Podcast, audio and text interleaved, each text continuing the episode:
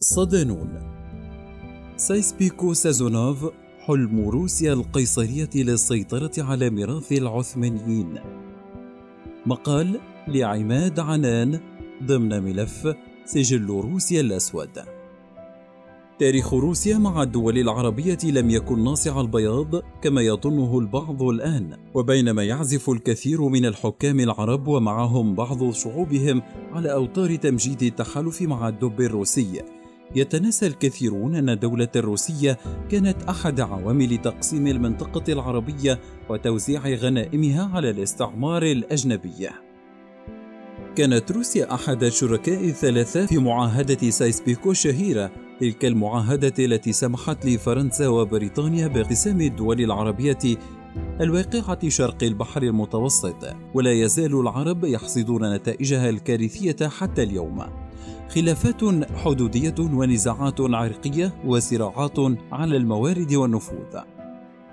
كثير من صفحات التاريخ لم تتطرق إلى الدور الروسي في المعاهدة الموقعة في التاسع عشر من مايو 1916 مكتفية بأنها كانت مناصفة بين بريطانيا وفرنسا حيث مثل الأول مارك سايكس بين 1879 و 1919 والثاني جورج بيكو بين 1870 و 1951 وكان هدف المعاهدة تقسيم الشرق الأوسط بين القوى المنتصرة في الحرب العالمية الأولى التي بدأت سنة 1914 لكن بالعودة إلى الوراء قليلا سنجد أن تلك المعاهدة التي ركز الإعلام الغربي والشرقي على حد سواء على ثنائيتها كان لها طرفا ثالثا فروسيا كانت الدولة الثالثة التي شاركت في إبرامها على أمل أن تنال حظها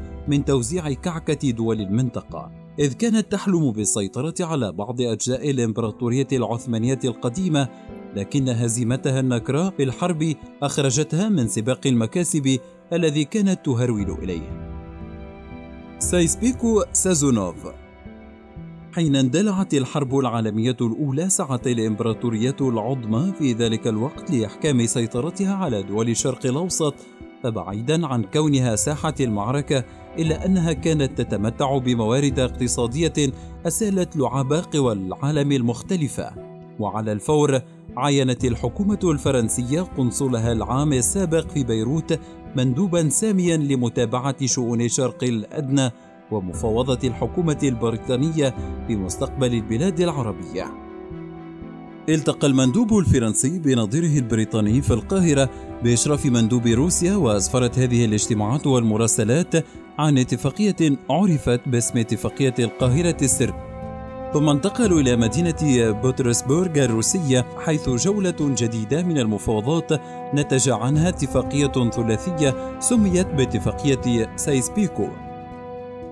ووفق تلك الاتفاقية تستولي فرنسا على غرب سوريا ولبنان وولاية أضنة في مقابل استيلاء بريطانيا على منطقة جنوب وأواسط العراق بما فيها مدينة بغداد وكذلك ميناء عكا وحيفا في فلسطين. أما روسيا القيصرية فكان من نصيبها الولايات الأرمينية في تركيا وشمال كردستان بجانب حقها في الدفاع عن مصالح الأرثوذكس في الأماكن المقدسة في فلسطين. أما المنطقة المحصورة بين الأقاليم التي تحصل عليها فرنسا وتلك التي تحصل عليها بريطانيا فتكون بحسب المعاهدة اتحاد دول عربية أو دول عربية موحدة ومع ذلك فإن هذه الدولة تقسم إلى مناطق نفوذ بريطانية وفرنسية ويشمل النفوذ الفرنسي شرق بلاد الشام وولاية الموصل بينما النفوذ البريطاني يمتد إلى شرق الأردن والجزء الشمالي من ولاية بغداد وحتى الحدود الإيرانية. وقبل توقيع تلك الاتفاقية بعام واحد فقط كانت بريطانيا وروسيا قد وقعتا معاهدة سرية في مارس 1915 تعطي لروسيا مذيقي البوسفور والدردنيل بالإضافة إلى مدينة إسطنبول مقابل إعطاء بريطانيا مناطق من الإمبراطورية العثمانية ومن هوادي الرافدين الغني بالنفط. لكن بعد فشل حملة دول الحلفاء في الحرب على الدردنيل وغاليبولي بفترة قصيرة رأت بريطانيا وفرنسا ضرورة ضم روسيا إلى معاهدة سايكس بيكو التي ضمت لروسيا مناطق مثل أرمينيا التركية أي الجزء الشرقي بأكمله من تركيا الحالية. بالإضافة إلى مضيقي الدردنيل الذي تشرف عليه مدينة إسطنبول. والبوسفور ومدينة إسطنبول وعلى الفور تغير اسم المعاهدة ليصبح سايكس بيكو سازونوف. فقد كان وزير الخارجية آنذاك سيرجي سازونوف ممثلا لروسيا في مفاوضات هذه المعاهدة. حين وقعت تلك المعاهدة كانت سرية للغاية باتفاق دول الأطراف ولم يتم كشفها إلا لاحقا غير أنها كشفت وبصورة كبيرة أطماع الدولة الروسية التي بدأت حتى قبل اندلاع الحرب العالمية الأولى حيث حاولت التوسع في الصين وشمال إيران وأفغانستان. بل إن أطماعها في الهند التي كانت تحت الاحتلال البريطاني آنذاك لم تكن سرًا. وفي حالة الانتصار في الحرب العالمية الأولى فإن الصراع البريطاني الروسي كان على الأغلب سيعود إلى الواجهة وكانت روسيا تحاول جاهدة التوسع في أوروبا الشرقية لتأسيس نوع من الإمبراطورية السلافية هناك لكنه لم يحدث فقد خسر الروس الحرب. روسيا خارج السباق.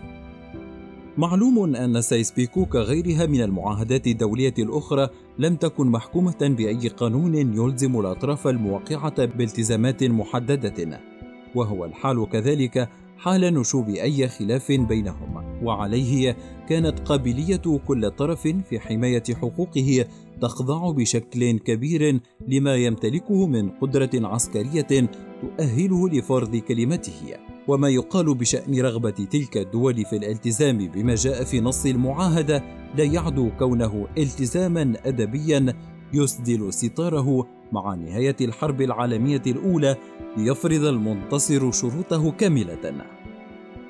ظلت الإمبراطورية العثمانية مطمعا لروسيا القيصرية لسنوات طويلة ودوما ما كانت تتحين اللحظة المناسبة للانقضاض وفرض سيطرتها على بعض مناطق النفوذ في تلك الإمبراطورية التي كانت ذات يوم من أكبر القوى العسكرية والاقتصادية في العالم. وفي عصرها الذهبي في القرن الخامس عشر بسطت سيطرتها على مساحة لم تشمل فقط أراضيها الأساسية في آسيا الصغرى بل شملت أيضا جزءا كبيرا من جنوب شرق أوروبا والشرق الأوسط وشمال أفريقيا.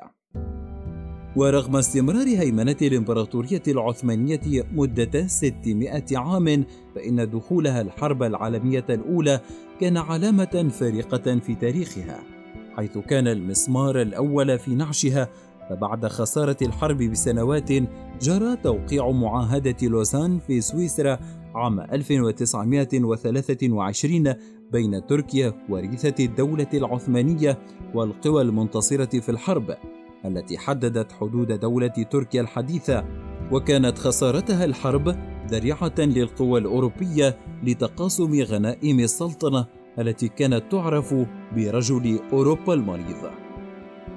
ومع قدوم عام 1922 تفككت الإمبراطورية بصورة رسمية مع سقوط آخر السلاطين العثمانيين محمد السادس بعد عزله ومغادرته العاصمة العثمانية إسطنبول على متن سفينة حربية بريطانية. وقد نشأت الدولة التركية الحديثة على أنقاض الإمبراطورية العثمانية المندثرة لكن لم تجري رياح الحرب كما تشتهي السفن الروس الحالمة.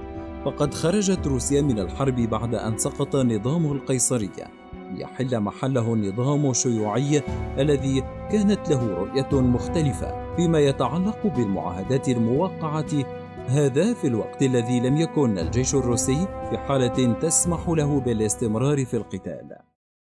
ومع الإعلان الروسي إنهاء مشاركته في الحرب خفت نجم الإمبراطورية الروسية القيصرية ومن ثم سقطت حقوقها المزعومة في المعاهدة.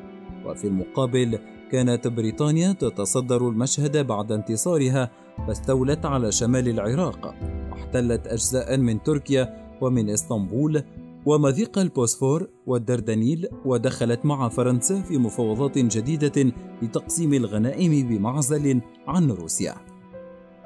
ومع تأسيس الجمهورية التركية الحديثة بوضعيتها الحالية بما يفند ما أقرته المعاهدة وما سبقها حصول بريطانيا وفرنسا على أجزاء كبيرة من تركيا يمكن القول إن المعاهدة لم تنفذ أبدا فيما يتعلق بشقها التركي وإن تغولت بشكل كبير في مسارها العربي حيث أحكمت الدولتان الكبيرتان سيطرتهما على معظم الدول العربية. وبقي الاستعمار الفرنسي والبريطاني حتى اندلاع الحرب العالمية الثانية عام 1939 مهيمنا على بلدان المشرق ومتسلحا بسلطة الانتداب الممنوحة له من عصبة الأمم في مؤتمر لندن عام 1922 مع استثناءات في اليمن والسعودية والأردن. وارتبطت مصر والعراق مع بريطانيا بمعاهدات حدت عمليا من استقلالهما إلى حين التاحت بالأنظمة الملكية فيهما تباعا عامي 1952 و 1958 أحلام اليقظة الغريب أنه ورغم سقوط المعاهدة بشكل عملي بعد استقلال البلدان التي تضمنتها الاتفاقية فإن الإعلام الروسي ما زال يعزف على ذات الوتر مؤملا نفسه بوجوب حصول بلاده على ما أرادته من هذه المعاهدة. وهو ما أثار الكثير من الجدل والسخرية في آن واحد من السياسيين والخبراء. قناة روسيا اليوم التي تعد أحد الوجهات الإعلامية الروسية على العالم ببرنامجها الشهير رحلة إلى الذاكرة المذاع في الثاني والعشرين من يونيو 2016 تحت عنوان أسرار اتفاقات سازونوف سايكس بيكو. كيف سقط العنصر الروسي في الاتفاقية الشهيرة؟ كان مدير مركز دراسات الشرق الأوسط وبلدان وسط آسيا سيميون باغداساروف. ضيف هذه الحلقة مع مقدم البرنامج خالد الراشد. الخبير الروسي وبكل صراحة أعرب عن رغبته بوجوب حصول روسيا على ما أرادته من اتفاقية سايسبيكو مشيرا أنه إذا كان هذا غير ممكن يجب العودة للمعاهدة السابقة بين روسيا وبريطانيا التي أبرمت سنة 1915 على أساس أن هذا يشكل الإرث الشرعي لروسيا على حد وصفه. مدير مركز دراسات الشرق الأوسط وبلدان وسط آسيا أسهب خلال الحلقة في وصف ما أسماه حقوق روسيا باحتلال إسطنبول التي كان يسميها القسطنطينية طوال المقابلة التلفزيونية. وهو اسمها قبل الفتح الإسلامي عليها مدعيا أن الإمبراطور الروسي إيفان الرهيب بين 1530 و 1584 كان حفيد ابنة آخر إمبراطور بيزنطي معتبرا أن تلك الأسباب كفيلة بتبرير الأطماع الروسية في الحصول على المدينة التركية. وبعد مرور قرن كامل على سايسبيكو يبدو أن الأجواء الآن تتهيأ لمعاهدات من نوع جديد ربما لم تكتب بشكل رسمي لكن إرهاصاتها تظهر تباعا حيث تقسم المنطقة مرة أخرى جيوبوليتيكيا على حساب العرب من حيث الممارسات ومناطق النفوذ بإضعاف مكونات الدولة العربية الوطنية ونفوذها حتى إذا لم تتغير الحدود الدولية جوهرياً. وخلال السنوات الخمسة الأخيرة على وجه التحديد بدأت تتحرك روسيا بوتين لإحياء إمبراطوريتها المهزومة عبر لملمة شتاتها على حساب أرض العرب. أصبحت الاتصالات الشرق أوسطية الروسية متعددة وتشمل حتى حلفاء الغرب وأمريكا والزيارات المتبادلة للرئيس الروسي ووزرائه مع مختلف الأطراف الشرق أوسطية وصلت إلى معدلات ومستويات لم نشهدها طوال القرن الماضي. وبفلسفة لعبة الشطرنج السياسية تسعى موسكو اليوم لتوظيف التغيرات الجيوبوليتيكية والبراغماتية في المنطقة لحساب أجنداتها الاستعمارية الخاصة حيث تسعى للحصول على مكان نظيرتها البريطانية الفرنسية تأمينا لأهداف ومصالح خاصة بها. تجعلها تدخل في موائمات وصفقات إقليمية وعالمية مع دول أخرى. اللافت أن الحق العربي المسلوب بات العنصر المتكرر في كل موجات الاستعمار الأجنبي خلال القرنين الماضيين وهو ما أثار الكثير من المخاوف مؤخرا بشأن استنساخ تجارب التاريخ مرة أخرى. تلك المخاوف التي عززتها المستجدات الأخيرة التي تؤكد أن موسكو باتت الآن أحد الأطراف الأكثر تأثيرا في موائمة الترتيبات المستحدثة وفقا لمصالحها الخاصة التي تتفق بين الحين والآخر مع الأطراف العربية حسب الموقع والظروف والحدث. مثل هذه التحركات تأتي في وقت بلغت فيه المكايدة السياسية بين دول المنطقة حد الارتماء في أحضان قوى استعمارية بعينها نكاية في قوى أخرى. وهي الاستراتيجية التي قد يدفع العرب في الشرق الأوسط ثمنها غاليا جدا هذه المرة. فالدب الروسي ليس كما يظنه العرب، والتاريخ لا يرحم، والجرائم لا تسقط بالتقادم.